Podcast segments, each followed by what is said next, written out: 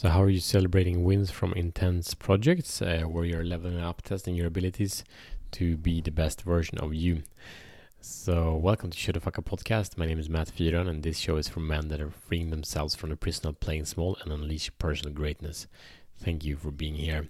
So, uh, I just want to share. I just finished off an intense period of work with. Uh, launching a workshop. A workshop like many many years ago, I used to host workshops basically every week in different health related topics uh, in a food store uh, facility that I had ran with my wife many years ago, and. Um, since then, I've been doing a lot of kind of trainings in different kind of settings and circumstances, and, and coaching and lead people in that sense. But it was a long time since I had this kind of uh, workshop. It was probably one half year ago. I had something a little bit similar. But it's been a lot of fun. Uh, so I want to share some thoughts and reflections from that, hmm, some takeaways and some learnings. So thank you and enjoy.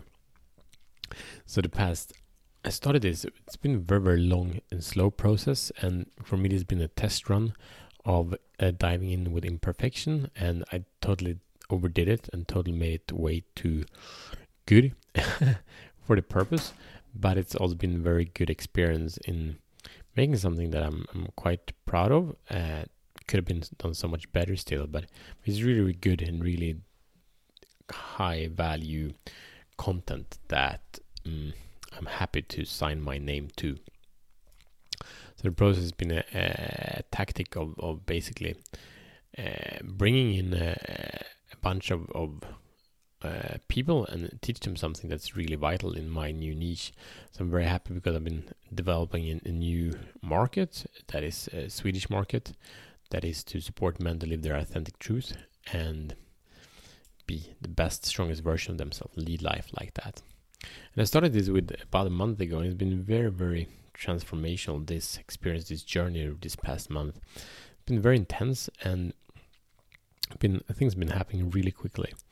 So I'm really happy that I, for this workshop, I had more clients signed up uh, than uh, than any project before in my coaching, and um, it's not necessarily a huge number, but it's really really good. And and it's for being in the in this niche for a month, I think the results are coming really fast. Uh, and not really even marketing marketing thing for a month, but for about two weeks or something like that.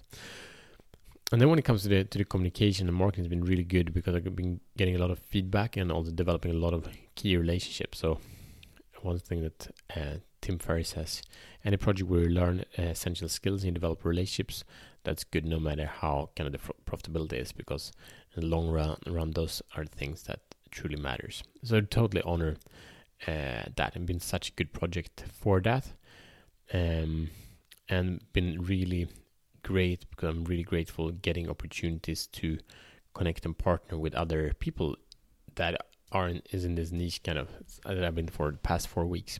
It's been a great game changer where leverage is happening really really quickly. And one thing that I want to want to share about this is kind of quick and slow that I experienced could have done this launch so much better in so many different ways with strategies that I didn't utilize and overdoing things and doing some things in the last minute and so on.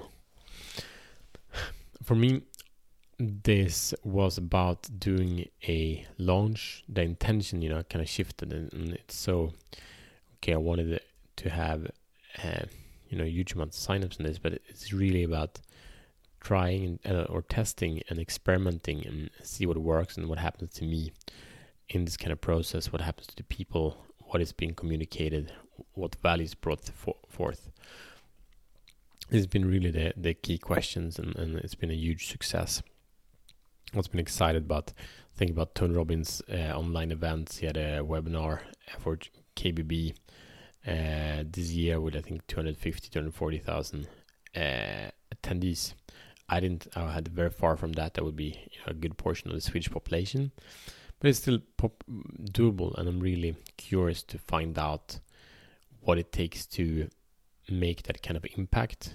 Um, I feel very blessed to have made an impact in these men's lives at kind of the workshop. But really, what would it take in alignment, mentorship, and guidance? Who do I need to to be supported by to level up in my game, and um, yeah, it's it's a beautiful journey, and and again the the the mindset I've been having for the past years is really about building assets that can be leveraged, and actually when I look back at a lot of the assets I've been building in my business actually haven't been leveraged because it's been kind of different niches and different areas, and I've been knowing what I should focus on, but I kind of been building assets that have been a bit sidelined.